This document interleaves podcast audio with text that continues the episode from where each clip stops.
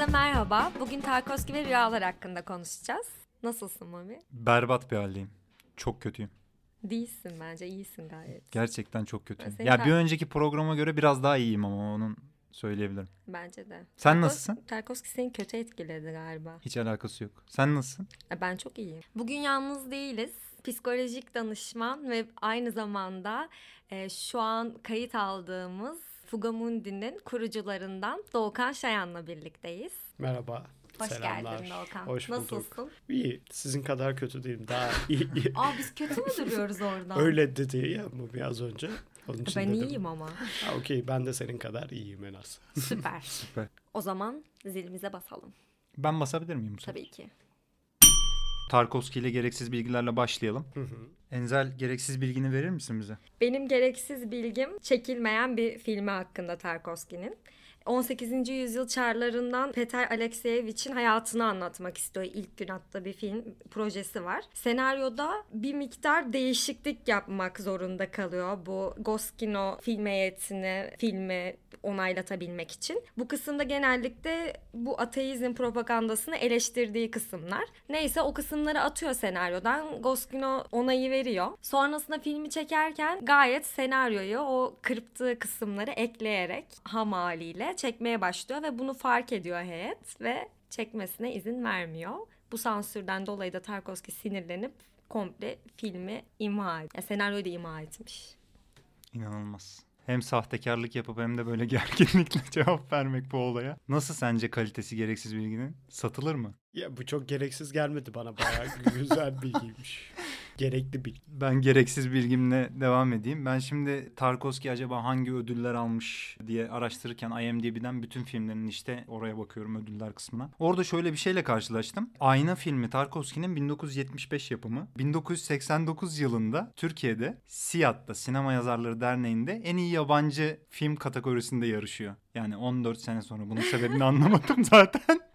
Araştırdım da yani niye böyle 14 sene sonra diye. Ve Siyat da 22.si düzenleniyor o sırada. Hani aynanın çekildiği yıl aslında eğer bilgileri varsa o, o filme dair gösterilebilirmiş aslında. Ki Cannes'da falan gösteriliyor zaten ayna o Evet. yıl. İlginç kısmı şu gereksiz kılan durumu. Hani buraya kadar gerekliydi yani. Ya bu da gereksiz de bundan daha gereksiz bir şey var yani bilgi var. Kategoride 10 tane film var zaten. Kaçıncı olsa beğenirsiniz ayna. Dokuzuncu falan mı oluyor? O kadar kötü değil ama ilk 5'e bile girememiş ve 6. olmuş.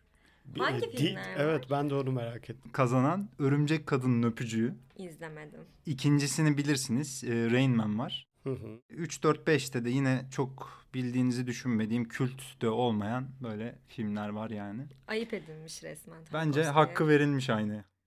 Ben bu arada Ay, en az sevdiğim artık. filmi Ayna Tarkovski'nin. O yüzden ben yine Türkiye'nin sinema yorumlama gücünü buradan tekrardan mutlulukla Siyada kucaklıyorum. Siyada sevgilerimi galiba. iletiyorum. Peki bu nasıl? Kendimizi entelektüel Bu- göstermek için kullanabileceğimiz bir Bayağı- bilgi mi? Bayağı evet. Güzel değil mi? Hiçbir Gayet iyi. alakasız Tarkovski ile. Tabii tabii yani bu yarın bir gün ortamlarda dinleyicilerin umuyorum ki bakın ne kadar da bilgiliyim diye satabileceği güzel bir bilgi. Ben de öyle düşünüyorum. Kulaklarım şu an harap oldu. Evet. Dinleyenlere ne olacak kim bilir. Geçelim Tarkovski ve Twitter bölümüne. Enzel tweetini okumak ister misin? Büyük bir zevkle. E, Başka sinema Ankara'da Arkadium galiba gösterim yeri. Tarkovski filmlerini tekrardan göstermeye başlamış ve bir tweet atmış. Tarkovski filmleri Solaris, Stalker ve Ayna Ankara Arkadium'da gösterimde diye. Dilara Dilemma adlı kullanıcı da şöyle bir eski tweet'i alıntılayarak tekrardan paylaşmış. O da Ahmet Vehbi kullanıcısına ait bir tweet. Şöyle tweette Tarkovski'nin Solaris'e 20.00'da Pera Müzesi sinemasında bu soğukta 10 liraya 3 saat hiçbir yerde oturtmazlar kaçırmayın. Böyle tweet. Ve beyefendi bu tweet'i 16 Aralık 2016'da atmış. Aralık'ta Ankara'nın soğuğu gerçekten insana bunları düşündürür ya. Ankara'nın soğuğu değil Pera Müzesi sinemasında diyor. Nasıl ya? E, o alıntılanan şu an gösterime girecek film Ankara'da Ha evet ama tamam. O bu İstanbul'dan 2000 atılmış. aynen. Tamam anladım. Olsun. Yine İstanbul'un soğuğu da soğuktur yani soğuk diyelim. tabii ki. Ve ben tweetimi okumaya geçiyorum. Aynı zamanda trajik de bir tweet yani o yüzden üzülüyorum da okurken. Şimdi yeni atılmış bu tweet daha. Deniz isimli bir kullanıcı atmış. Tarkovski'yi Google'a yazdığınızda ilk çıkan şeylerden bir tanesi Tarkovski'nin Arapça eğitimi ve okul öncesi sinemayla ilgilenmeye başlamadan önce ve müzik eğitimi almış beyefendi. İkisini de ayrı ayrı almış yani. Arapça. Arapça. evet. Hanımefendi şöyle bir tweet atıyor. Beyninde ulama yapmış böyle. Gereksiz aslında ulama olmayan bir yerde bir ulama yapıp böyle. Tarkovski Arap müziği eğitimi almış. Bugün öğrendim ve bu giz filmlerine yansımış diye bir tweet atmış.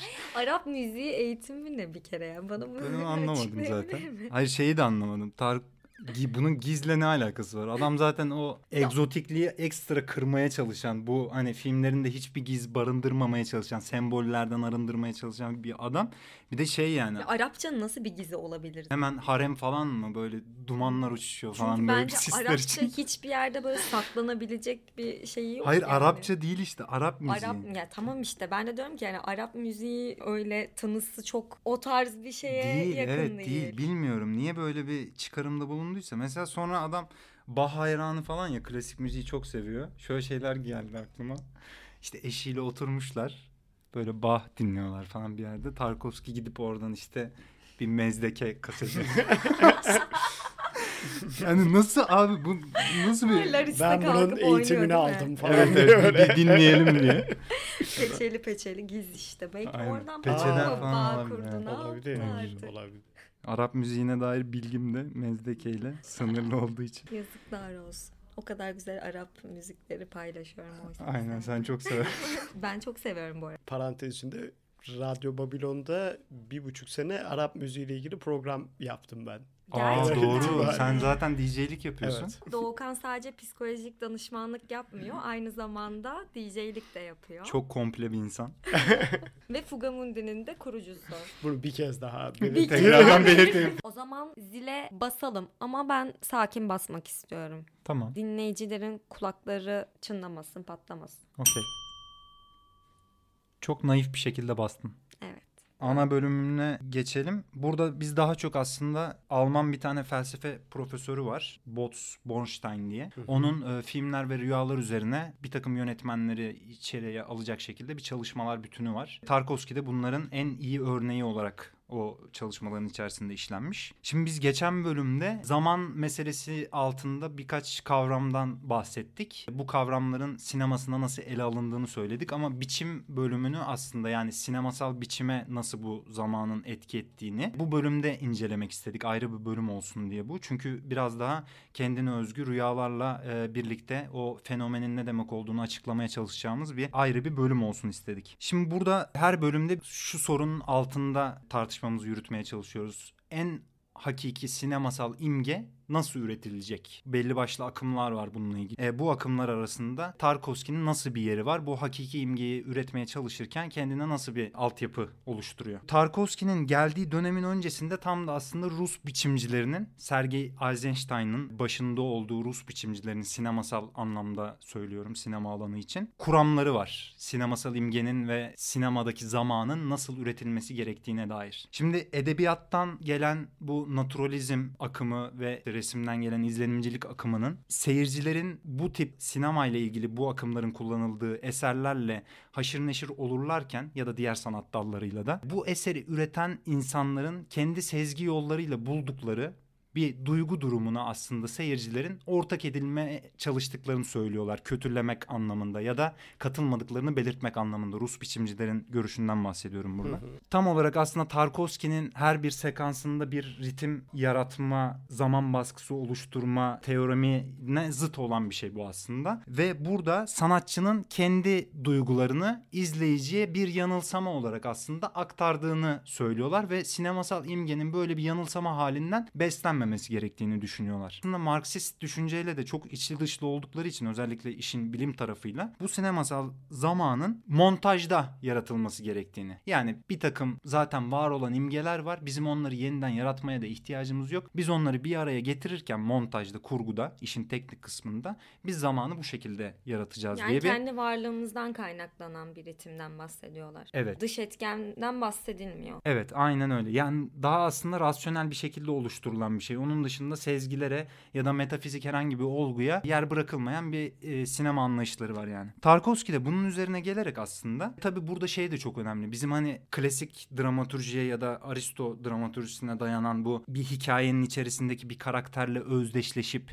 onun üzerinden işte duygularımızı boşaltarak ya da oradan kendimizi daha iyi bir insan haline getirme durumumuz özetle yani indirgeyerek bu şekilde açıklayabileceğimiz bir katarsis kavramı da var ya. Aslında buna da karşı olarak e, bu yani bir eserin içerisinde izlerken ona kapılıp gitmeyi katılmadıkları için bu görüşe bunun rasyonel bir zihin düzleminde gerçekleştirmesi gerektiği için izleyicinin Rus biçimcilere göre bir yabancılaştırmanın empati durumunu kesintiye uğratması gerektiğini düşünüyorlar. Bu yüzden de aslında zaten e, Potemkin Zırhlısı diye en meşhur filmi Sergei Eisenstein'ın o Potemkin Zırhlısı'nda da izlediğimizde çok Brechtian böyle tiyatroda Brecht'in yapmaya çalıştığı bir propaganda gibi bizi sürekli işte Sovyet ruhunu öven bir düşünceye sevk etme aracı olarak o imgeleri kullandığını falan görüyoruz. Ve tamamen montaj üzerinden Evet, ilerlediği tamamen de apaçık, apaçık. hani gözüken herhalde şey en güzel örnek film. Aynen öyle ama ona rağmen yine de yarattıkları o kısa imgelerde montajın içerisinde kalan sekanslarda o e, rasyonelliğin dışına taşan çok güzel e, sahneler de var yani. Bu da hani dipnot olarak düşelim buraya. Şimdi Tarkovski de Önem, önemli de bir film zaten. Evet yani evet. Sinema tarihi. evet, evet. Şimdi Tarkovski de böyle bir tartışma düzleminin üzerine geldikten sonra kendi sinema dili üzerine düşünürken kendisi aslında ne gerçekçilere yakın ne de gerçeği tamamen sembolize edip böyle bir sembollerle anlatma durumuna da yakın değil. Simgeciliğe de yakın değil zaten. Ee, İzlenimciliğe de yakın. değil. İzlenimciliğe aslında şey bağlamında yakın. Sanatçı kendi duygularından, kendi anılarından yola çıkmalıdır bağlamında yakın ama ürettiği eserin niteliği ya da onun niteliği demeyelim de biçimiyle alakalı izlenimcilerle de çok e, yakın Bu olduğunu arada söylemek biç- mümkün değil. Biçimcilerle de yakın olduğu konu bu şey sembolizme karşı olması. Evet. Tamamen karşıt görüşte de diyemeyiz hani biçimcilerle de. Ortak Diyemeyiz. noktası var. Evet. İşte zaten tam olarak bundan bahsetmeye çalışıyorum. Bu bütün formların hepsinden aslında beslenerek onları alt eden bir e, yeni bir form üretiyor ve onların arasındaki bir bölgeye bir gri bir alana oturuyor aslında Tarkovski. Ve bunu da şu şekilde yapıyor. Biz bu geçen bölümde zaman bölümünde anılardan bahsetmiştik ya bölük pörçük anılar geliyor bize ve bu anıları nasıl bir form içerisinde peki sinemasal imgeye dönüştüreceğiz biz? Burada da işte rüya formu devreye giriyor. Rüya formu da şu şekilde devreye giriyor. Gerçeklikle aslında bizim gündelik gerçekliğimizle, rasyonel gerçekliğimizle bağının olmasına rağmen aynı zamanda onu yadırgatan da ona bizi yabancılaştıran da bir form olarak ortaya çıkışıyla alakalı. Yani bunun ikisini aynı anda yapabiliyor oluşuyla alakalı. Yani ne Freud'un dediği gibi senin e, söylediğin sana zaten o soruyu yönelteceğim yani Freud'un görüşüyle ilgili. Tümüyle bir şeyi simgeliyor aslında rüyalar.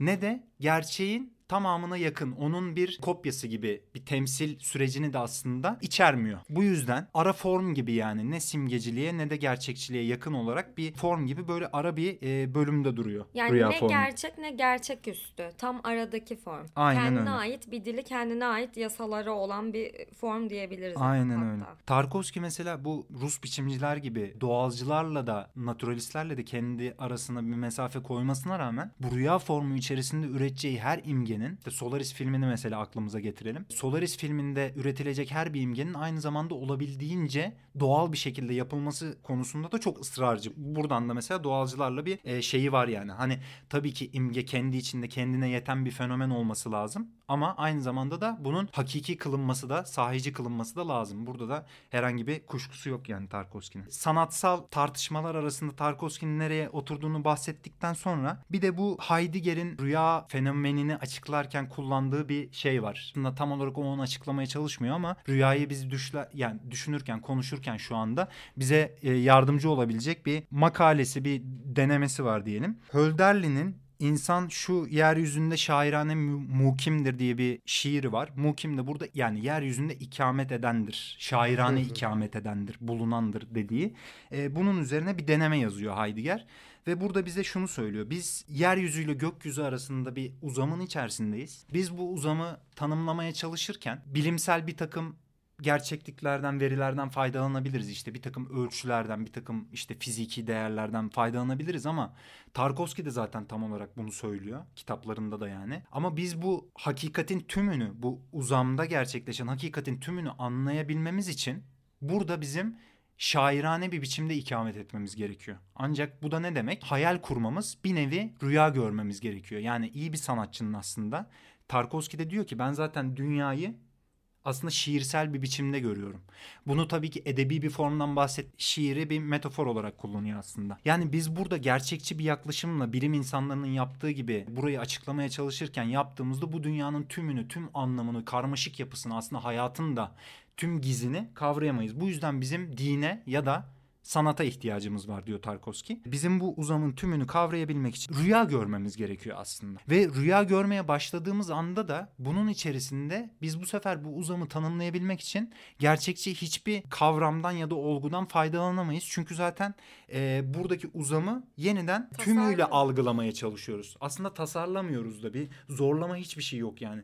Olduğu gibi onu bilincimizde kavramaya çalışıyoruz. En iyi sanatçı aslında bunu olduğu gibi görebilen ve buna hiçbir şekilde herhangi bir estetik bir değer ya da güzelleme hani yapmama noktasında onu olduğu gibi görüp aktarabilen ve aynı zamanda da bunu Vahşet bölümünde ayrıca değineceğiz buna. Bunu böyle melodrama vardıracak böyle hani bizim dizilerimizden de çok örneklendirebileceğimiz trajik unsurları da tümüyle kaldırıp bunu tüm hakikatiyle Somut bir şekilde. somut bir şekilde aynen öyle somutlaştırabilen bir insandır yani sanatçı. Ve burada da eğer bir alegoriden söz edeceksek, bir soyut bir düşüncenin aktarımından söz edeceksek Tarkovski sinemasında aslında bunu bu soyutluğu hayat, bu uzam içerisindeki hayatın kendisi ve bunun alegorisini yapmaya çalıştığını söyleyebiliriz bu Heidegger'in düşüncesiyle birlikte.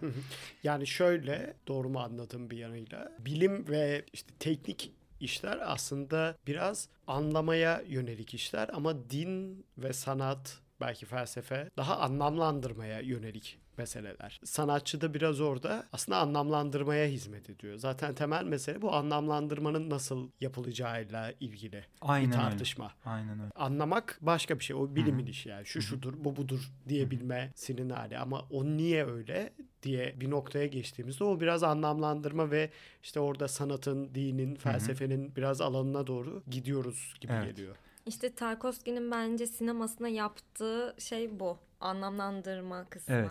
Hatta o kendi kitabında şöyle iki farklı terimden söz ediyor. Biri rasyonel bir kavrama metodu, diğeri sezgisel bir kavrama. yani o izlenimcilere de aslında pas atan orada bir şeyi var. Ee, sezgiyi Tabii kullanma. bu yani çok hakim değilim ama felsefe tarihi açısından da işte pozitivistlerle olan tartışmanın bir boyutu bir yanıyla işte o sezgisel ve bilimsel verinin birbiriyle çelişmesi ya da alışveriş içinde olması genel itibariyle. temel açıklamadan sonra bir tane Tarkovski filmlerinden birinden bir örnek vererek topu sana bırakmak istiyorum bundan sonra da. Stalker filminde bir bölge var. Bölgenin içerisinde işte üç kişi yolculuk yapacaklar. Bu bölgenin de ne olduğunu biz bilemiyoruz. İşte söylentiler var bir takım. Buraya bir göktaşı düşmüş. O göktaşı düştükten sonra bu bölgede bir facia yaşanmış. Ondan sonra orası böyle bir harabe haline gelmiş.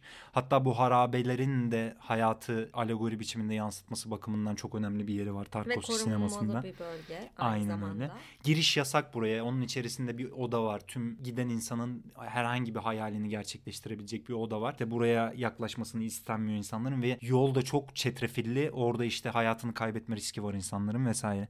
Şimdi bu Stalker filmi çekildikten sonra Tarkovski bir sürü soru alıyor. Bölge nedir? Bölge ne isim geliyor? Bölge şunu mu şey yapıyor da şöyle mi aslında falan diye. Tarkovski de bunlara sürekli şöyle cevap veriyor. Bölge bölgedir. Totolojik gayet. Hani bölge sadece bölge için vardır.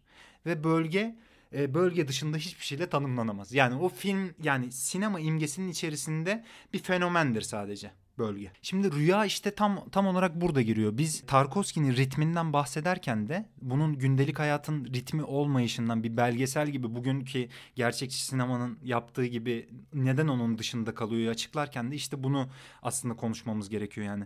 Rüya nasıl bir fenomen ki psikanaliz açısından da kendine yeten ne gibi bir formu var? Bizi gerçek dünyayla e, ne ölçüde bize yakınlık kurduruyor, empati kurduruyor ve ne ölçüde bizi yadırgatıyor, yabancılaştırıyor buraya. Bu aradaki gri bölgeyi biz nasıl tanımlayabiliriz? Ve rüya zamanı dediğimiz şeyin e, bizim rasyonel olarak işte bugünkü kendi işlerimizi yaparken kullandığımız o zamandan nasıl bir farkı vardır? Bunu sinemayla da ilişkili olarak tartışabiliriz. Bununla ilgili senin düşüncelerini özellikle Freud ve Lacan üzerinden onların nasıl baktığını falan açıklayarak bir konuşmak istiyorum yani. Şimdi genel itibariyle psikanaliz zaten rüya ile birlikte ortaya çıkmış disiplin ya da bir yöntem. Rüyanın için psikanalizin temeli diyebiliriz. Hatta Freud şöyle bir şey diyor. Bütün yazdıklarımdan vazgeçebilirim ama düşlerin yorumu hani benim temel kitabımdır falan gibi bir düş yorumu diye de çevriliyor. 1900 yılında yazdığı bir kitap. Aslında şöyle de ilginç bir şey. 1899'da aslında yazıyor ama yayın evine diyor ki 1900'de yayınlayın bunu. Çünkü 100 yılı rüyaların bilmecesini çözen adam olarak açmak istiyor. 120 yıl oldu ve hala tartışılan bir şey ve gerçekten rüyalar çok muamma o zamandan beri. Freud bunu çözdüğünü en azından çözmeye çok yaklaştığını iddia ediyor. Hatta yanlış hatırlamıyorsam Viyana'daki evinin kapısına rüyaların bilmecesini çözen adam gibi bir şey de yazdırıyor. Hani e, Doğukan'la gereksiz bilgiler. bilgiler. Freud üzerine. Ayrıca köpeği vardı falan gibi. Düşlerin yorumu ilginç bir kitap. Çünkü kitabın başlarında biraz zor bir kitap bir yanıyla. Freud aslında rüyalarla ilgili şeyler anlatıyor. O dönem yapılan bir takım deneyler var. İşte insanlar uyuyor, yüzüne böyle ütü yaklaştırıyorlar. İşte adam rüyasında işte ateş görüyor falan filan gibi böyle garip garip şeyler yaşıyorlar. Bu nasıl oluyor falan. Bu, bunları üzerine tartışıyorlar. Sonra Freud kendi analiz anlarıyla, kendi gördüğü hastalarla yaptığı çalışmalarda rüyanın çok önemli bir yer teşkil ettiğini görüp kendi rüyalarına dönüyor. Ve kitabın büyük bir kısmı aslında Freud'un kendi rüyalarının analiziyle geçiyor. Freud'un temel tezi şu. Rüyalar bizim bilinç dışına bastırdığımız olayların, imgelerin, simgelerin bir şekilde yer değiştirerek, imgelerle, e, yüceltme şeklinde yoğunlaşarak rüyada sembolize ediliyor onlar. Ve dolayısıyla onların kişisel bir anlamı var. Psikanaliz bu noktada biraz Freud'dan beri rüya analizini değiştire değiştire geliyor. Çünkü Freud biraz şöyle çalışıyor. İşte diyelim hasta geliyor anlatıyor işte rüyamda su gördüm atıyorum işte ve boğuluyordum. Freud bunu diyor ki annenize sembolize ediyor. İşte yılan gördüm diyor işte yılan penisi sembolize ediyor falan gibi. Gerçekten hasta Rüya tabiri. gibi bir, şey, bir şekilde bir şekilde böyle yorumlar yapıyor ama psikanaliz buradan biraz uzaklaştı şu an. Çünkü hastanın bunu analiz etmesini bekleniyor genel itibariyle psikanalizde. Ve Freud şunu fark ediyor. Burada insanlar rüyalarını anlatınca bir takım anılarla bağdaşan rüyalar ortaya çıkıyor. Ve insanlar bu rüyalar hakkında konuştukça bu anıları daha iyi hatırlıyor hale geliyorlar. Yaptıkları çağrışımlarla, serbest çağrışımlarla. Çünkü rüyayla öyle çalışıyor. Önce rüyayı anlattırıyor. Sonra aynı sana diyor ki ne geliyor aklına? O anlatıyor hasta kendi aklına gelenleri ve böylece bir takım anıları daha iyi hatırladığını, o anıyla ilgili ayrıntıları daha iyi hatırladığını fark ediyor Freud. Ve yine temel tezlerinden bir tanesi rüyalar diyor bizim gündelik hayatta tatmin edemediğimiz arzuları tatmin etmemiz üzerine kurulu bir mekanizmadır. Biz normal hayatta işte bastırdığımız bir takım arzularımız var. Biz güvenli alanda, rüyada bunları aslında tatmin ediyoruz bir yanıyla. Yine başka bir tezi bu kitapta rüya aslında uykuyu sürdürmek için vardır diyor. Uykuyu sürdürür genel itibariyle diyor. Rüya analizi aslında psikanalizin göbeğine oturuyor böylece. Tabii sadece rüya değil, gündüz düşleri, fantaziler gibi şeyleri de genel itibariyle çalışmasının içine dahil ediyor. Çünkü bunların kişilerin bellekleriyle ilgili hatırlamalarına daha yardımcı olduğunu görüyor. Ve bilinç dışına giden süreçte, bilinç dışındaki bastırılmış şeylerin ortaya çıkarılmasındaki süreçte daha faydalı bir şey görüyor. Hatta rüyalara bilinç dışına giden kral yolu diyor Freud genel itibariyle. Ve bu noktada Freud rüyaları kabaca böyle tanımlıyor. Biraz Heidegger'den bahsedeyim. O da biraz. Heidegger'i biraz ben Boss üzerinden okuyorum. Boss, Dasein analiz diye kendine biraz psikanalizden, biraz Heidegger'den etkilenerek geliştirdiği bir yöntemi var Boss'un. O da rüyaları şöyle ele alıyor. Diyor ki Heideggerci mantıkla. İnsan dünyada aslında senin de az önce bahsettiğin gibi dünyada ilişkileriyle var olur. Eylemleriyle ve ilişkileriyle var olur. Ve dolayısıyla insan varoluşu aslında kendi karşılaştıkları ve kendine hitap edenlerle görülmez soyut bir şekilde alışveriş içindedir diyor. Bu insan varoluşunun temelinde de Dasein diyor. Türkçe'ye dünyada olma hali ya da Dasein diye çevriliyor doğrudan. Ve bunları analiz ediyor ve diyor ki Boz rüyalar diyor tıpkı biraz Tarkovski gibi rüyalar bir şeyleri simge falan etmiyor. Biz rüyalarla çalışırken insan normal günlük hayatta nasıl ilişkisel bir halde dünyayla varsa rüyada da aynı ilişkisellik devam ediyor gündelik hayattakinden pek bir farkı yok. Sadece orada daha güvenli bir alan var. Daha karmaşık bir alan var. Dolayısıyla biz rüyalarla çalışırken insanın gündelik hayatta anlattığı bir şeyden daha farklı bir şey yapmamalıyız diyor. Gündelik hayatta yaşanılandan daha farklı değil diyor. Aslında orada biraz imgesel yani Freud'un rüyalar aslında bir şeylerin imgesidir. Bir şeyleri oradan anlamlandırarak giderizden farklı bir yöntem belirliyor. Bu ee, Heidegger'in rüya kendine yeten bir fenomendir açıklamasını yaptığımız, görüşüne dayandırdığımız şeye evet. daha çok benziyor. Açıklama. Aynen öyle. Zaten daha zayn analiz diyor bu yöntemine. Ve diyor ki yani aslında rüyalarda uyanık hayatta olduğumuzdan daha az var olmayız daima diğer insanlarla ve nesnelerle olan ilişkilerimizde var oluruz. Hı hı. Rüyalarda deneyimlerimiz uyanık hayattaki deneyimlediğimiz herhangi bir şey kadar gerçek aslında.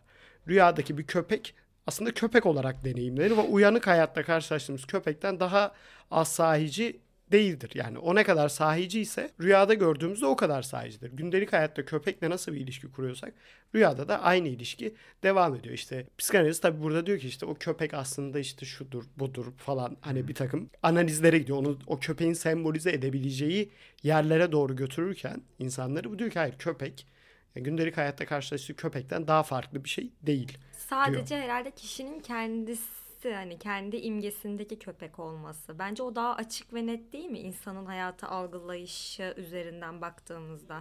Yani ben enzel olarak bir köpek deyince aklıma gelen köpeği büyük bir tane rüyamda da o şekilde görüyorum. Bu benim hayata algılayışımı ve rüyada da direkt bunu görmekle daha benim direkt rüyala ilişkimde daha açık ve net oldum normal hayata göre. Çünkü normal hayatta benim kafamdaki köpek dışında da başka köpekler görme ihtimalim var. Ama rüyada benim dışımda bir şey görme ihtimalim yok.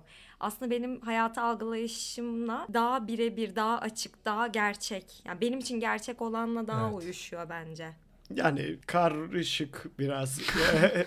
Tam öyle de olmayabilir. Çünkü rüya senin biraz burada psikanalize yakın taraftayım açıkçası. Daha şeyleri sembolize ettiğini düşünüyorum rüyaların genel hmm. itibariyle. Sembol etme durumu çünkü birçok çalışmada ortaya çıkıyor. Daha çok psikanalistlerin anlattıkları vakalarda anlamlandırmayı nasıl yaptıklarını insanların net bir şekilde görüyorsunuz. Gördüğü şeyin gündelik hayatta nasıl bir karşılığı olduğunu ve onu nasıl sembolize et ilgili. Düşlerin yorumunu eğer biraz sıkıcı bir kitap olabilir Freud'unki ama okunursa orada çok böyle ilginç vakalar ve rüyalar da var. Mesela işte bakanın da çok sevdiği Freud'un anlattığı kasabın güzel karısı rüyası var. İlginç bir hikayesi var. Şimdi çok ayrıntısına girmeyeyim ama bir gün bir kadın geliyor diyor ki siz diyor rüyalarla ilgili Freud'a diyor hastası rüyalarla ilgili diyorsunuz ki insanlar orada bir şeyleri günlük gündelik hayatta arzu ettiği şeyleri orada karşılayamadığı, tatmin olamadığı şeyleri rüyasında tatmin eder.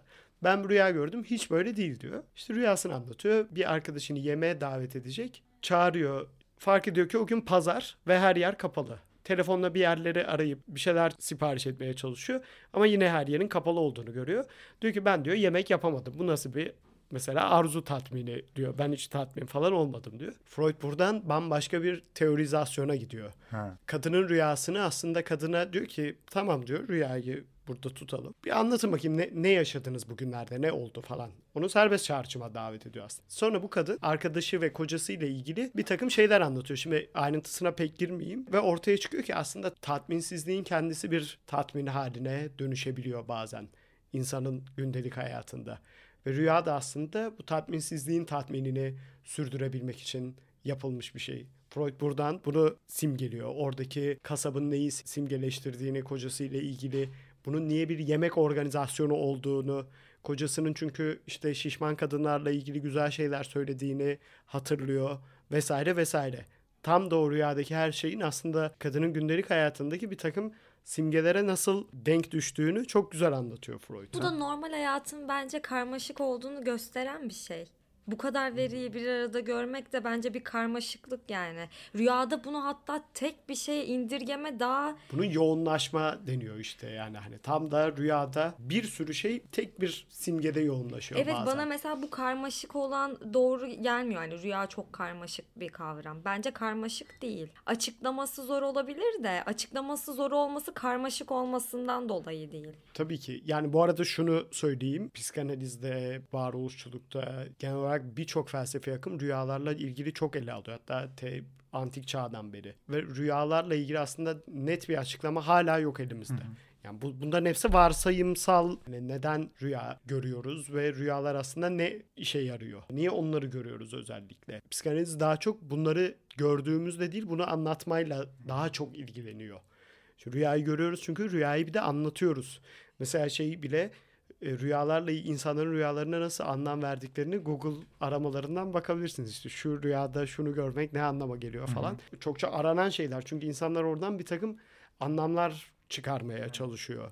İşte Ee, tam da burada zaten bu sinema eleştirme haline de sinema eleştirmenliğine de bağlayarak şöyle bir soru sormak istiyorum. Şimdi biz imgenin kendisini böyle o rüya sadece sonuçta orada gördüğümüz yılanla ya da suyla sudan ibaret değil ya ya da yemek hazırlanan bir masadan ibaret değil ya orada bir uzamın içerisinde sürükleniyoruz aslında biz. Hı hı. Başka bir gerçeklik aleminin içerisinde başka birçok şeyi de görüyoruz. Şimdi şunu düşünüyorum. Sinemada da böyle bir problem eleştirmenliğinde özellikle kötü yapıldığında da psikanalizin de kötü yapılanı sonuçta bugün bu eğitimin kalitesi falan da çok tartışılır hale geldi ya okulların durumu ortada vesaire. Film eleştirmenliğinde de böyle bir sorun ortaya çıkıyor. Bu kez devasa bir ritim düzeninin içerisinden işte 10 dakikalık bir sekansın içerisinden biz bir takım nesnelere, bir takım küçük olaylara, karakterler arasındaki diyaloglara odaklandığımızda aslında sanatsal imgenin tümünü bir takım sembollere indirgemiş oluyoruz gibi düşünüyorum. Tarkovski de aslında bundan dolayı işte bölge ne anlama geliyordu da oradaki süt niye bardaktan kaydı da düştü de kırıldı falan. Bunlarla ilgili cevap vermeye dair hep mesafesi var. Çünkü zaten yaptığı iş tamamen bunun ortadan kaldırmaya yönelik. Bu sembolleştirme halini kaldırmaya yönelik. Psikanalizde de böyle bir sorun ortaya çıkmıyor mu? Yani bu iş kötü yapıldığı zaman bu rüyayı gören insanın aslında gördüğü imgenin tamamını bir takım sembollere indirgeyip onun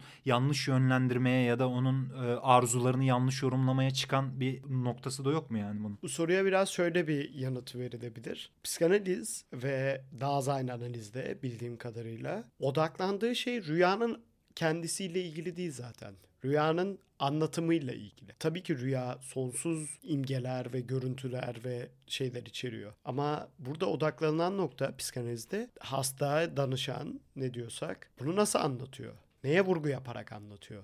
Neyi ön plana çıkararak anlatıyor? Psikanaliz bunu önemsiyor. Bunun anlatılış biçimini önemsiyor. Burada değinip geçeceğim. Psikanalizde aktarım diye bir kavram var. Kişinin bunu birine niye anlatıyor oluşu da önemli. Analiste, psikoloğa, psikiyatra, psikolojik danışmana, terapiste niye anlatıyor oluşunun çok önemi var. Niye anlatıyor oluşunun çok önemi var nasıl anlatıyor oluşunun çok önemi var. Onun için rüyalarda görülen imgeleri direkt bu budur diye rüyayı gören dışında birinin an- anlamlandırması o yüzden saçma. Çünkü onun anlatılış biçiminin belirli yerlere vurgu yapılmasının çok önemli nedenleri var psikanalizde. Mesela Tarkovski'ye şöyle bir yorum geliyor. Sürekli yağmur kullanıyor. İşte yağmur neyi simgeliyor? Her filminizde yağmur var. Oraya buraya yağmur yağdırıyorsunuz diye. O da diyor ki yağmur var çünkü benim doğduğum topraklarda, büyüdüğüm topraklarda hep yağmur vardı ve ben de seviyordum yağmuru. Hani bu benim alıştığım bir şey. Ya bu bir şey simgelemiyor. Çünkü benim hayatımda olan bir şey. Aynı zamanda doğada da olan bir şey. Yani buna niye başka bir anlam yüklemeye çalışıyorsunuz diyor. Kesinlikle öyle yani hem film analizinde hem de psikanalizde de belki başka yerlerde de yani çok bir ortaklaşma yapmak ne kadar doğru bilemiyorum ama over analiz yani hani over reading artık bir şeyi fazlaca okuma, fazlaca analiz etme hali. Şey aklıma geldi bunu söyleyince sen. Ya ilk sözlükte ya Twitter'da bir yerde denk geldim. Nuri Bilge Ceylan'ın filmlerindeki sinekle ilgili bir Evet ben de şey gördüm. vardı Evet, evet. hatırlarsanız Ha. yani hani işte sinek her karakterin üzerine konduğunda işte bilmem ne bir şey falan. Biri Hatta böyle, yine bizim geçen bölümde tweetini okuduğumuz Tufan Şimşekcan yapıyordu galiba o analizi. bilmiyorum uzun bir analiz kasmış arkadaş. Hatırlamıyorum kimin yazdığını. Ama sonra işte sette çalışan biri yanıt vermiş. Yo çektiğimiz yer çok sinekliydi ve sürekli onlarla uğraştık falan gibi. Hani böyle Sonra bu arkadaş da yönetmen bile bu simgelerin farkında değil falan gibi over'ın evet, over'a evet, yani evet. hani yönetmenin belki farkında bile olmadığı e, şeyi analiz nesnesi olarak oraya sokması biraz komik yani hani Bir buna ek olarak şöyle bir sorun ortaya çıkıyor da biz şimdi bu filmleri izliyoruz ya aslında her yeni başlayan bir kişi Tarkovski işte 80'lerde yapıp bitirdi bu filmleri artık. Bugün sinemaya ilgisi olan bir kişi böyle büyük bir yönetmenin filmlerine de bakma ihtiyacı hissedebilir yani.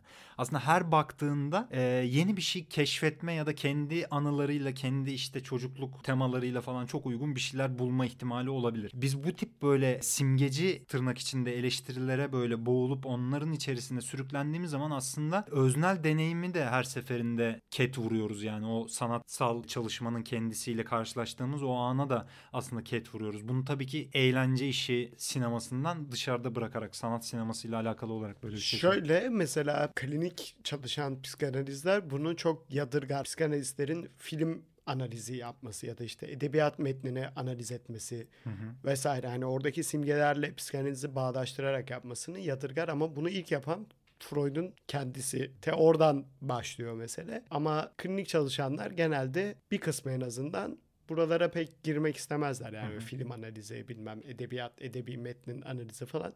Daha çok böyle işte medya çalışmaları, kültür çalışmaları, felsefe gibi disiplinlerin alanında daha yankı buluyor. En azından benim gördüğüm kadarıyla. Bu aşırı yorumlama üzerine bir şey anlatmak istiyorum ben de. Bu Tarkovski'nin Ayna filmi ilk Moskova'da galasını yaptıktan sonra Tarkovski'ye çok fazla soru geliyor yani eleştirmenler tarafından.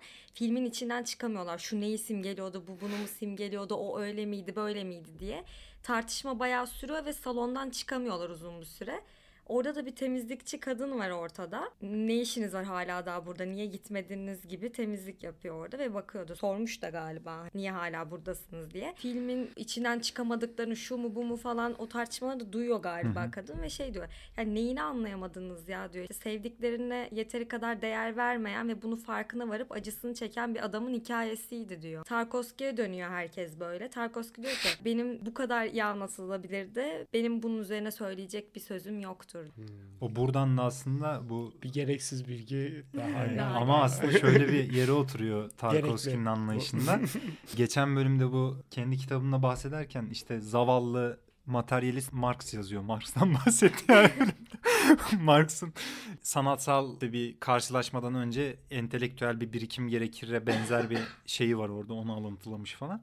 Buna karşı aslında Tarkovski yaratılacak imge eğer hakiki olursa sanatsal imge burada bir o zaten insan özü itibariyle onunla bir ilişki kurabilir yani. Tartışmalar ya da bir takım bilgiler bunu zenginleştirecek yere oturmuyor onun anlayışına göre. Ben buna asla katılmıyorum. Tarkovski sinemasının içinde katılmıyorum yani ama onun öyle bir görüşü var yani. O yüzden o kadının dediğini mesela böyle bir anılarında falan bahsediyor bundan hani övünerek. Buradan aynı filmine geçmişken rüyalarla suya dair ve aynaya dair zaten aynanın kendisine dair bir bir bağlantı var aslında. Bundan konuşalım mı biraz Enzer? Konuşalım. Şöyle aynayı ciddi anlamda bir rüya aleti olarak görüyor ve çok nasıl desem geometrik ve bu dünyaya ait bir şey. Kendi yansımamızı görüp yadırgadığımız bir noktası var aslında aynanın. Bunu yapay buluyor. Bunun yerine su kullanarak yapılan yansımanın bize daha gerçek geleceğini, sudaki yansımamızı görmemizin yadırgatıcılığını daha gerçeğe yaklaştığını da Evet. söylüyor. Akıcı bir şey olduğu için rüya zamanının akıcılığını, o esnek formu çok daha Hı hı. iyi ifade edebileceğini düşünüyor. Bence Ayna filmine zaten birçok isim düşünmüş bu arada. Sonra Aynaya karar kılmış.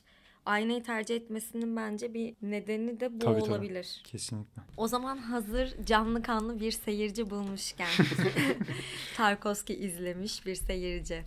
Ayna filmini sen de izledin. İzlediğin diğer filmlerden sence Tarkovski sinemasını ayıran nokta neydi? Yani ne hissettin? Nerede ayrılıyor? Bir kere görsellik muazzam yani hani Tarkovski'nin o filme baktığımızda o estetik hali çok güzel geliyor insana yani o kamera açıları, ışık, şey sahnesi herkesin aklındadır herhalde o. Ahırın yanma sahnesi ve onu nasıl kameranın geldiği gittiği falan biraz böyle çok önce izlemiştim. Bu izle beni daha çok etkiledi o kamera tekniği. Onu nasıl kurguladığı inanılmaz. Bir de şey da çok ilginç. Başka bir örneği var mı bunun bilmiyorum. Anlatıcının hiç görünmediği ve hani ama biz onu izliyoruz aslında. Ama anlatıcı var mı yok mu biraz belirsiz yani var tabii ama onun fikirlerini ve rüyalarını Hı-hı. işte anılarını izliyoruz ama o yok ortada. Aslında düşünceleri an, var gibi. Anlatıcının kendisi Biraz. var ama anılarındaki kendisi. Disi var. Onun cisimleşmesi zaten aslında bu sefer filmin anılar dışında bir gerçeklik düzleminde bir katmanı daha var ya o anılara hı hı. bağlantıyı kuran adamın işte anlattığı bölümler.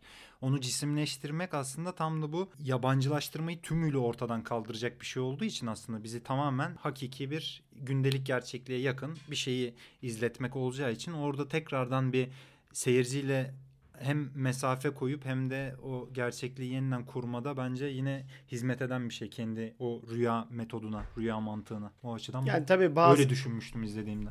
Bazı yerleri yine anlayamadım. Yani bu baştaki işte kekeme çocuk. Yani gene şunu mu simgeliyor bunu mu simgeliyor gibi. o çok bir takım, tartışmalı bir e, konu. Şeye gidiyor zihnim ya da işte ne bileyim İspanyolca konuşan matador taklidi yapan hmm. bir adam var mesela hani bir yere oturmuyor genel akışta ben de yani en azından. Belki de oturması gerekmiyor. Tarkovski'yi sevmiyormuş hani onu da sizden öğrendim. Bu işte İspanya'nın bilmem neyini simgeliyor falan gibi hani aşırı yorumlamayı. Biraz onlar dikkatimi çekti filmi bir daha izlediğimde. İlk izlediğimde çok sıkıcı gelmişti film. Böyle zar zor hani böyle bazen olur ya bu Tarkovski'yi izlemek zorundasın işte. işte Entel olabilmek için.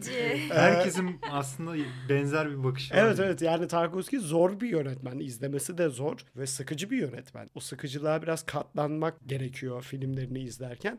Bu filmde sıkıcı bir film aslında yani hani oturup böyle eğleneceğim bir buçuk saat geçireyim Eğlenme demeyelim de bence sıkıcı değil. Ben Hı-hı. mesela keyif alarak izledim. Bu arada ben yani o başka bir tabii tartışma. Sıkıcı olması bir şeyin kötü olduğu anlamına gelmiyor. Sanat insanı her zaman olumlu duygular uyandıracak ve onu eğlendirecek, mutlu edecek, bilmem ne yapacak bir şey değil olmamalı ya da belki. Onun için onu olumsuz bir manada Bu arada Tarkovski'nin asla isteyeceği bir şey de değil yani. Beni izleyenler olumlu bir şekilde Tabii ki. kalksınlar. Öyle hey hayat çok güzel falan gibi bir gayesi yok zaten. Zaten bir yerde hep vicdani bir takım sorumlulukların yerine getirilme işiyle yüzleşen birilerine bağlanıyor aslında hikayenin ucu. E, elbette yani bu bu biraz belki kendimle ilgili bu sıkıcılığa daha tahammül ettiğimi gör bir kez daha izler. İzlediğimde belki psikanalizle ya felsefeyle bu kadar bilgim yoktu. Bir kez daha izlediğimde o perspektifle izlemek de hoş geldi.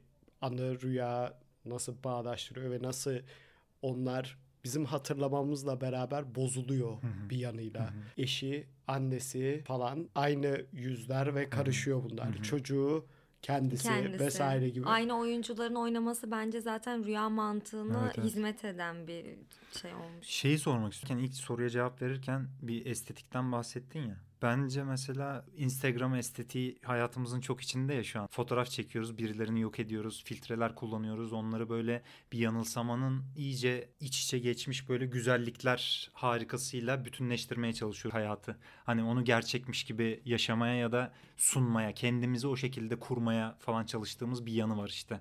Instagram üzerinden anlatırsak. Sanatta da benzer bir tartışma var işte yani bu rüya fenomenini konuşurken en iyi şair ya da sanatçı e, uzamı düşlediğinde buna hiçbir arzusunu katmayan şairdir diye bir örnekleme var o fenomenin tartışması içerisinde. Mümkün mü? Tabii. Zor ama şunu demek istiyorum. Şuraya geleceğim yani. Bence mesela Tarkovski filmleri bana estetik gelmiyor. Şey anlamında estetik gelmiyor.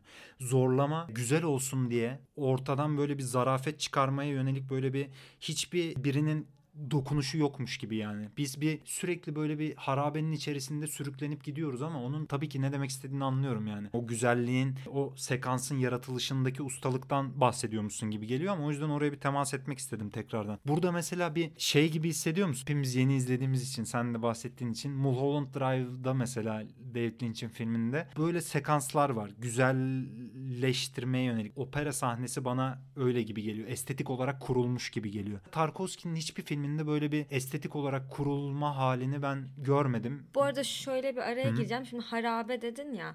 Bence harabe olarak göstermek de bir estetikleştirme oluyor. Tarkovski'nin böyle bir amacı da yok. O tamamen hakikati aradığı Evet. için kendi gözünden gördüğü hakikat neyse onu vermeye çalışıyor. Şimdi harabe gibi gösteriyor demek de aslında bir şey Hayır, hayır. estetikleştirme Onun oluyor. e, felsefi başka bir temeli var zaten. Harabenin nasıl bir alegoriye oturduğunun ondan bahsediyorum ben aslında. Doğru söylüyorsun. O da farklı bir estetik yani. Demek istediğimi, Demek istediğini anladım ama zorlamadan bahsediyorum. Biraz katılamadım senin söylediğine. Aklıma hemen birkaç örnek geldi işte Nostaljia'daki delinin kendini meydanda heykelin üstünde yakma sahnesi çok mesela doğal bir sahne değil yani oradaki insanları falan hatırlarsın belki. Hatırlıyorum ben. Yine o filmin başındaki böyle yeraltı bir yerinde koro ilahi söylüyordu. Hatırlıyor musunuz bilmiyorum. Kilisenin Kili- olduğu kilis- yerde. O da mesela böyle çok estetik falan müzikle falan böyle inanılmaz böyle etkileyici bir sahne ama çok kurgulanmış bir şey yani o Hı hı. müdahaleyi falan Hı hı. orada çok net görüyorsun hele. Ama mesela David İtalya'nın... Lynch'le çok pardon David Lynch'le falan orada biraz fark. David Lynch Amerikalı yani bir de Hı hı. öyle bir fark var yani o Hollywood estetiğini kullanan hı. biri onu entelektüelleştirmiş bir yanıyla o estetiği. Biraz öyle de bir fark var yani hani biraz A- Avrupa sineması yani. Evet evet. Cel'de onların döneminde yani Tarkovski'nin döneminde Fellini ile ikisini kıyaslama özellikle 8.5'la aynı filminden çok yapılıyor. Fellini de bildiğin böyle Pitorex işte resimleri bir araya getirmiş, güzel mizansenler kurmuş ve onları üst üste yerleştirmiş bir yönetmen olarak buraya kadar indirgeyip hani yorumladığı yerler var. Her şey bir yönetmenin hayalinde kurduğu bir imgeden ibaret ama burada sadece o estetik meselesinin ne kadar zorlandığı, bunun insanların gözüne güzel gelsin diye salt o görüntünün yani e, ne kadar yapılıp yapılmadığını tartışmak için Hatta şey söylüyorum diyor yani. işte İtalya'da çektiği için film nostaljiyi mesela e, ben de size İtalya'nın güzelliklerini göstermeyebilirdim Hmm. ama hiçbir şekilde dert edinmedim diyor. Yani benim amacım diyor size İtalya'yı güzel göstermek değil. Zaten o dönemde sürgünde olduğu için Rusya dışında gurbette olmanın verdiği bir hüzün de var. O yüzden İtalya'yı böyle övmek de istemiyor büyük bir Ö- ihtimal öv- görsel olarak. O yüzden görselde de bunu hiçbir şekilde hissettirmek istemediğini galiba bir röportajında söylüyor. Ama herhalde romanın güzelliği onu da büyülemiş. Tabii, Ve tabii. Gittim yani gördüğüm bir yer olduğu için söylüyorum. Gerçekten çok büyüleyici. Ve o meydanı da gördüm. Sekansın geçtiği meydanı. Gerçekten etkilenmemek mümkün değil. Çok doğru. estetik ve gerçekten Ama- o hissi veriyor. O sahnedeki Or- hissi alabiliyorsunuz o meydana belki gittiğinizde. Orada bence mizansenden dolayı bir etkileme var ama Mu- muhakkak. dekor mekan tam anlamıyla seni büyüleyip böyle dışına çıkmıyorsun. Buna şöyle bir örnek verebilirim. Roma filmi var ya. Roma filmi mesela benim için o kadar görsel olarak güzel bir film ki ya. O kadar güzel çekilmiş ki. Görüntüler çok güzel. Ben filmin içine giremiyorum o yüzden. Ya her şey o kadar güzel gösteriliyor ki bana. Gördüğüm şeyden dolayı hissiyatıma erişemiyorum. Karakterle mesela hiçbir şekilde bağ kuramıyorum. Hep izleyiciyim. Böyle bir görmem gereken bir şey varmış gibi. Şeyde Nuri Bilge Ceylan kış uykusuyla kanı e, katıldıktan sonra her filmin ekibiyle bir işte kanın klasik yaptığı bir röportaj var. Yine çekim yeriyle alakalı bir soru geliyor galiba. Şey diyor Kapadokya'da çekiyor olmaktan filmi o kadar korktum ki oranın güzelliği filmin önüne geçecek. İhtişamıyla böyle bu sefer anlattığımız hikaye acaba uyum sağlayamayacak mı falan diye çok korkuyordum ama çekimleri izleyip hani kurgu biraz oturduktan sonra olduğunu hissettim, sezdim falan gibi. Böyle bir tartışma içinden aslında. Tabii yani. yani hani yönetmen çektiği yerin estetiğinin anlattığı hikayenin önüne geçmemesini arzu etmesi normal ama işte sinema biraz böyle Ümit Ünal söylüyordu galiba bir söyleşisinde. Sinema böyle hileli bir şeydir. Bir şeyi işte kadının saçları uçuşur rüzgarda onu gösterirsin. Hiçbir şey ifade etmiyordur. O niye konulduğu bile belli değildir ama insanlar o görsellikten etkilendiği için hemen anlamlandırmaya, onu bir şey yapmaya çalışır. Onun için hileli bir şey yani sinema en temelde bir hikaye anlatma biçimi filme bunun için gidersin. Bir hikaye izlemek. Ama görsel güzellikler bütünü olması sana bir şey anlatıyormuş hissi de veriyor bir yandan. Ama belki de bir şey anlatmıyor bir yanıyla. Şimdi bu hiç belki Tarkovski izlememiş insanlara da yönelik olduğu için bu podcast serisi. Bu rüya tartışmasının içerisinde bir de vahşet imgesi denilen bir olgu var. Biraz ondan bahsedelim istiyorum. Vahşet sineması aslında tiyatrodan Antonin Artaud'un avantgard tiyatroyu dair işte bir takım fikirleri var. Tiyatronun nasıl olması, yeni tiyatro nasıl olacak? Bu işte tamamen edebiyat ya da Aristo düşüncesinden gelen bir hikayeye odaklı, dramaturjiye odaklı tiyatrodansa artık tiyatronun imgeler yaratma gücünün ortaya çıkarılması ile ilgili bir takım fikirleri var. Bunları da Vahşet Tiyatrosu adlı bir kitabında böyle bir birleştiriyor ve ortaya koyuyor teori gibi. Tiyatroda tabii her zaman bir temsil sorunu olduğu için sinema gibi böyle bir, bir zamanı hapsetme gibi bir niteliği olmadığı için Arto'nun eserlerinde aslında yaptığı, yönettiği ya da oynadığı oyunlarda hiçbir zaman bunu tam anlamıyla başaramadığı falan söylenir. Tarkovski'yi konuşurken de aslında vahşet sineması diye bir bölüm ya da bir konu ortaya çıkıyor. Enzel biraz vahşet sineması ne demek, e, nasıl bir imgeler yaratma hali ondan bahsedelim mi? Bahsedelim. İki tane sahne var. Bence bunları bir paylaşalım. İnsanların kafasında daha iyi oluşsun. Tamam. Tarkovski'nin sinemasal ifadenin model sahneleri kabul ettiği şeyleri diyorsun. Evet. O zaman ben birinci sahneyi okuyorum. Bir grup asker vatana ihanet gerekçesiyle Erat'ın önünde kurşuna dizilecek. Bir hastane duvarının yanında çamurun içinde bekliyorlar. Sonbahar. Parkalarını ve botlarını çıkarmaları emrediliyor. İçlerinden biri delik deşik çoraplarıyla çamurun içinde bayağı dolanıyor. Parkasını ve botlarını koyacak kuru bir yer arıyor. Oysa birkaç dakika sonra bunlara ihtiyacı kalmayacak. Bu birinci sahne. İkinciyi okuyorum ben. Tramvay bir adamı eziyor ve adamın bacağı kopuyor. Adamı bir evin duvarına yaslıyorlar. Oturan adam şaşkın bir kalabalığın arsız bakışları altında ambulansın gelmesini bekliyor. Derken daha fazla katlanamıyor. Cebinden bir mendil çıkarıp kopuk bacağının üstünü örtüyor. Şimdi burada ilk sahnede benim okuduğum sahnede biraz sonra ölecek biri var ama parkası ve botunu çıkartması gerektiği için bu emredilmiş. İster istemez çamurun içinde de debelendikleri için bunları koyacak kuru bir yer arıyor. Hani çamurlanmasın diye. Oysa ki biraz sonra hayatı sona erecek. Yani o bota da o parkaya da ihtiyacı olmayacak. Bunu bu şekilde somut ifade edip hiçbir trajik yanına vurgu yapmadan seyirciyi hiçbir şekilde duygusal anlamda etkilemeye çalışmadan olduğu gibi tamamen içsel zorunluluğun etkisiyle hareket ederek izlemesini sağlayan Hı hı. bir sistem aslında Evet. vahşet Yani sineması. mizansen ne kadar absürt olursa olsun ve şiddet ne kadar had safhada olursa olsun bunu hiçbir şekilde hani bu zarafet katmama işin içine meselesi gibi aynı zamanda trajik bir unsuru da katmadan yani duyguları böyle melodrama kaydıracak falan şekilde duru bir şekilde görmeye çalışmak aslında. Aslında sahnenin kendisi gerçeğini yaratıyor burada. O yüzden rüyaya yakın görüyor. Vahşeti de çünkü şöyle tanımlıyorlar. Bu eylemi yani vahşet eylemi dışarıdan izlerken aynı anda eylemin içinde gibi hissediyorsun. Hem de bir izleyicisin. Bunda rüya formuna çok benzetiyorlar. Hem bunu hissediyor gibi olup hem de dışarıdan izleyen kişi olmak ve olayın tamamen somut bir şekilde sana yansıtılması, hislerine karşı hiçbir şekilde bir oynama olmaması ister istemez seni rüya formuna yakın bir noktaya Aynen çekiyor. öyle. Şimdi rüya bölümüyle ilgili söyleyeceklerimizi burada kapatabiliriz. Sana da çok teşekkür ederim gelip e, böyle katıldığın için. Gerçekten çok kıymetli bir konuşma oldu bence. Teşekkür yani. ediyorum Evet ben, ben de. de çok keyif aldım. Teşekkür ediyoruz. Ben de teşekkür ediyorum. Şimdi Sağ biz kapanıştan önce iki bölümümüz daha var. Önce Tarkovski'ye aynı filminden sonra gelen mektuplardan birkaçını okuyacağız. Ben yine tabii ki olumsuz bir yorum okumak istiyorum. Ayna filmiyle alakalı. Bir mühendis Sverdlovsk diye bir şehirden bir mektup yollamış Tarkovski'ye. Bu ne bayağılık, tek kelimeyle iğrenç, tam bir karavana atış olmuş, seyirciye geçen, ulaşan hiçbir şey yok. Önemli olan budur oysa. Ya bu mühendislerin sinemadan bu kadar iyi anlamaları beni o kadar mutlu Ya ediyor ne ki anlatamam. Mühendis adamsın yani. Sanki çok duygularıyla hareket eden bir iş yapıyormuş gibi dünyasında Şey böyle de şey. ilginç değil mi? Bir film izliyorsun. Şimdi mesela çok basit ya. Bir film izliyorsun. Twitter'a giriyorsun. Çok kötü falan diyorsun. Ekşi Sözlüğe işte rezalet filmde deyip geçiyorsun. Adam o dönemde filmi izliyor muhtemelen sinemada. Gidiyor evine mektup kağıt kalem yazıyor bunu. Sinirleniyor.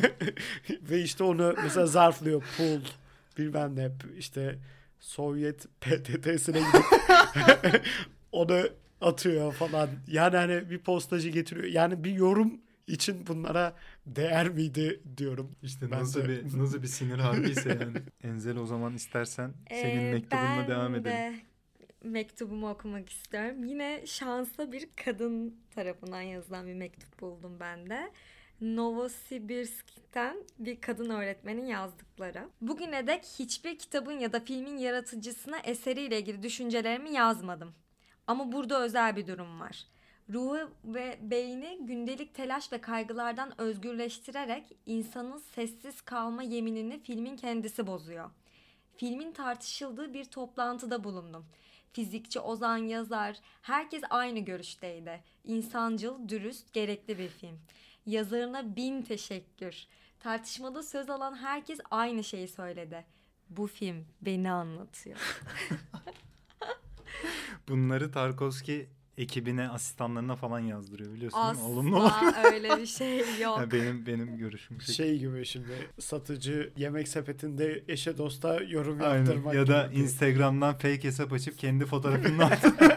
Ablacım çok güzelsin falan diye. Kim bu yakışıklı? Aa benmişim gibi. O zaman söze gerek yok.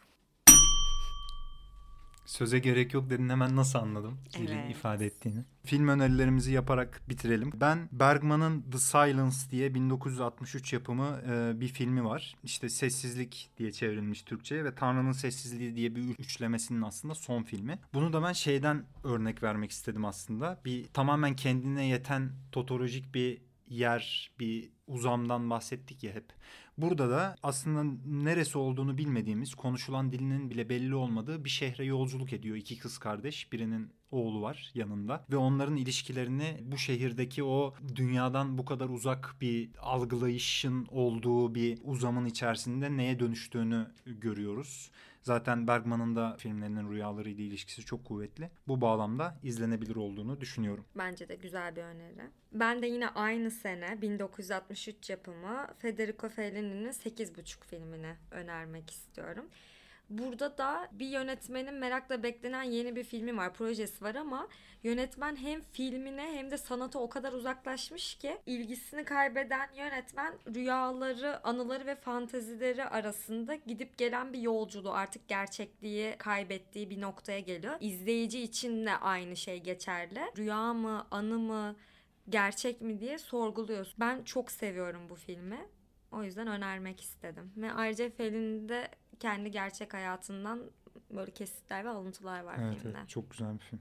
Sen de bir öneri yapmak ister misin? Az önce konuştuğumuz bahsi geçen benim de çok sevdiğim bir filmi Mulholland Drive'ı önereyim ben de David Lynch 2001 yanılmıyorsam. Hollywood'da ünlü olmaya çalışan bir kadının hikayesini anlatıyor. Acaba olabiliyor mu? Bu da Bakalım. bu sorunun Göreceğiz. cevabı da filmde gizli. Tamamdır o zaman. Tekrardan teşekkürler Doğukan bizimle. Ben çok Sohbet teşekkür ettiğin ederim. için. Sağ olun. Haftaya Umarım görüşürüz. o zaman. daha güzel yerlere gelir programınızda. Umarım umarım inşallah. Çok teşekkürler. O zaman görüşmek dileğiyle. Görüşürüz.